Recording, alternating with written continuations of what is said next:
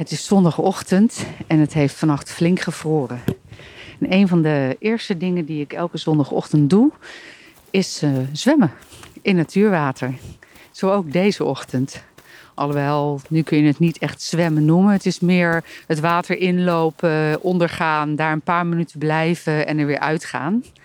Um, deze ochtend uh, reed ik in mijn auto naar het uh, kanaal. We zwemmen meestal in het kanaal. Tenzij het hoog water is, dan gaan we de Oosterschelde in. Maar goed, ik reed dus naar het kanaal en ik dacht, oeh, ik weet niet of ik er zin in heb. En uh, dat was ook niet zo raar, want het water is op dit moment natuurlijk ontzettend koud.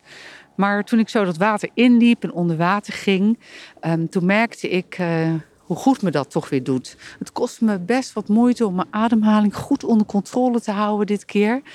Um, maar merken dat dat lukt. Dus dat je eigenlijk kalm kunt blijven in een situatie waarvan je lijf zegt: Ik wil dit niet, ik wil hier weg. Ja, dat helpt mij in het hebben van een kalm brein in situaties waar ik toch wel stress of druk kan ervaren. Of ingewikkelde situaties, bijvoorbeeld een ingewikkeld gesprek waarvan ik denk: Ik wil weg dan is dit voor mij altijd een goede oefening in het leren kalm blijven in een situatie waar je eigenlijk weg wilt.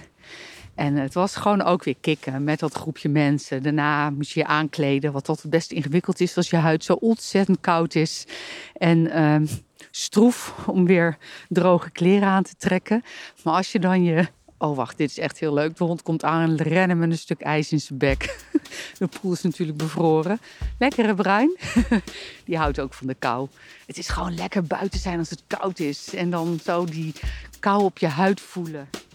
Ja, heerlijk. En nou ja, een stapje verder is dus het ijskoude water ingaan. Dan voel je helemaal de kou op je huid. Nou, misschien heb je ook zin om het eens een keertje te proberen. Ik ga in ieder geval volgende week weer.